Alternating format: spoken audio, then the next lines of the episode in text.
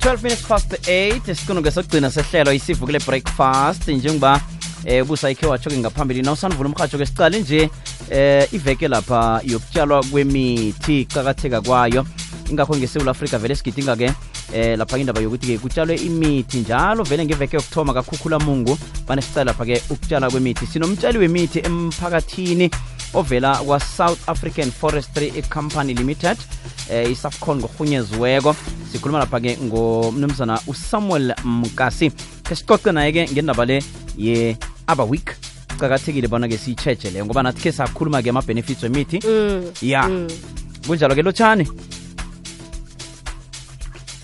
bamkasi lotshani yebo njani? Sivukile njani? Breakfast show. Sivukile bamkasi eh uyamkhumbula khasi naye everin Ya. masokhuluma Ngikhumbula kuhle khulu. alright Mhm. bamkasi siyathokoza ukuthi benathi namhlanje sizokhuluma lapha emoyeni ngokuqakatheka kweveke kuhle kuhle nenyanga le yonke njengoba nakungeyokutshala imithi nje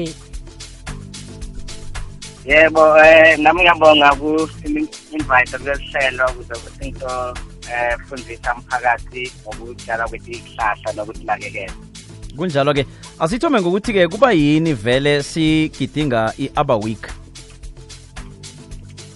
Okay eh i-aba week ibaluleke because or tihlahla tibalulekile etimpilweni tethu um njengoba i-aba week i-celebrate from the 1st to the 7th of september.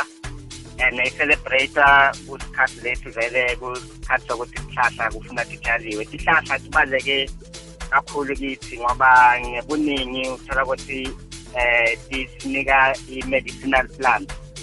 So mithi leminingi nalesi ithenga kuma-pharmacy lesiyithola kulaba abasebenza ngesintu sithola khona la esihlahleni. So kungako ukuthi fanele sitshale isihlahla ngaso sonke isikhathi. Lokunye le lokubenda kokuthi sifanele sitshale isihlahla kungukuthi eh kunema-indigenous plants leso sihlahla sikhula endaweni le originally tikhula lapho and then leso sihlahla tiba nema-indigenous fruits as well.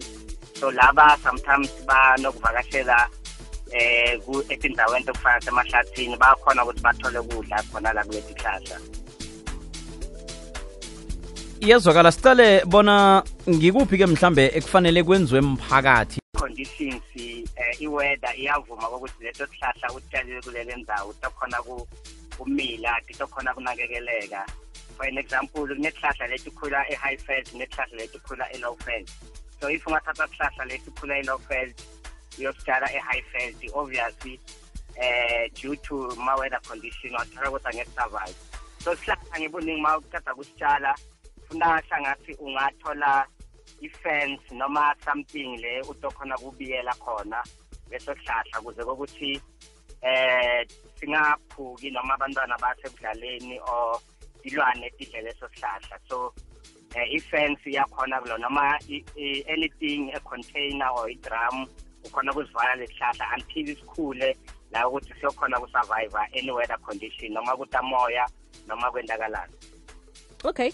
Lijame njani-ke ihlelo lenu lokutshala imithi emphakathini inyanga le babumkasi Okay, eh since kulontshe i-upper week ngeti-one and then kwaqaliwa kutshalwa sihlahla So this week at Plaza Tachaliwa, um, around Sabi area, and then next week is Sobastava Plaza around uh, Eiffel, Sajabo Mayflower, Dondoni, and at Landmore. elo feldapho mzi kunemitha mnenge to ngathi ngileyo kapa eh, um yamapali yayibona arvuna na utshingele kubonela sprayt yeah yeah. Isafuneka godu eminye imithi ngoba vane ngibone ngathi mani ngale seyanele imithi? Oh le mithi ukhuluma ngayo ngile usafcoli alona ayitshalayo ayikhulisako eh that's the focus of the business esafcol so leyo siyibita ukuthi ma-exotic uh, species. Mm. uh, so ma-exotic species is for business and then ngile isafcol ayikhulisayo. So lethi thina iyitshalayo ihlahla leti tivumelekile emphakathini Oh. for an example lesihlahla ushodona tibitwa ukuthi ama-gum trees i-common name yakhona an english name Mm. eh nge-scientific name is eucalyptus species but bita ukuthi eh amalo ama-hardwood so sinama-softwood which eh ama-pine species eh wona ngilawa benda ngawo liphepha i mean benda ngawo li- amaplangwa building materials so the hardwood ngile isebenzisa kuyenda liphepha eh yes so leto hlahla leto you need a license ukuthi utihlanyele eh for business purposes. Oh. Okay. Bese siyabona ke i-load shedding kuyatha ukusithwenya-thwenya abantu vane ba bazithathe-ke benze umlilo wenkuni eh ngombana vane igezi ingekho. Khona ongakutsho mhlambe kulokho? If ku- ah ah, ang- angizwanga? Okay abantu ngesikhathi se-load shedding eh vane basebenzise-ke eh bakapa imithi le bakhona ukubasa benze umlilo eh ngayo? Ngebanga le-load shedding mhlambe-ke khona ongakutsho lokho kulungile ukuthi sikwenze lokho. Um akuthikamezi-ke mhlambe vele ibhoduluko lethu? Yes, eh kuna this thing bathi eh, sustainable forest management whereby eh kuhlanganisiwa ku-involve i-community into managing the, re, the resources eh, sustainable. So lokho kwenziwa ngendlela yokuthi eh bantu bavumelekile ukuthi ba- basikhathe isihlahla as long as isihlahla somile kuleyo ndawo.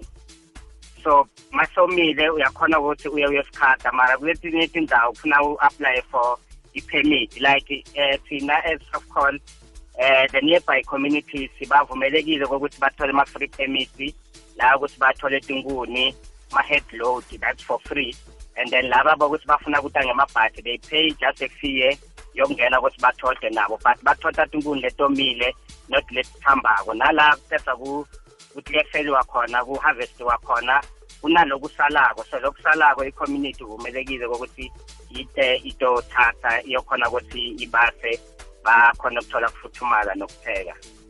Uzwakele babumkasi abantu abafuna-ke imithi ngicabanga ukuthi niyiphethe nina beni ninelwazi lokuthi lo ungawutshala kile ndawo nitholakala kuphi?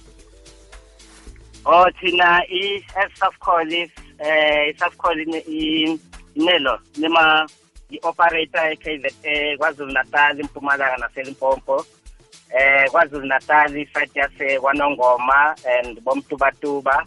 And then ngapha em empumalanga iqala from bo Amsterdam towards bo Barberton Belfast. And then nase Sabi Graskop area elipompo itholakala eh esayitini nasevenda nasezaningi okay abantu bazayicala-ke mhlambe lapha kuwebsite eh isafcol. Yeah. na ufuna ukwazi nangemithi njenganje khe siyokuthengisa sibuye sokuhlola endleleni zethu ukuthi kuhamba njani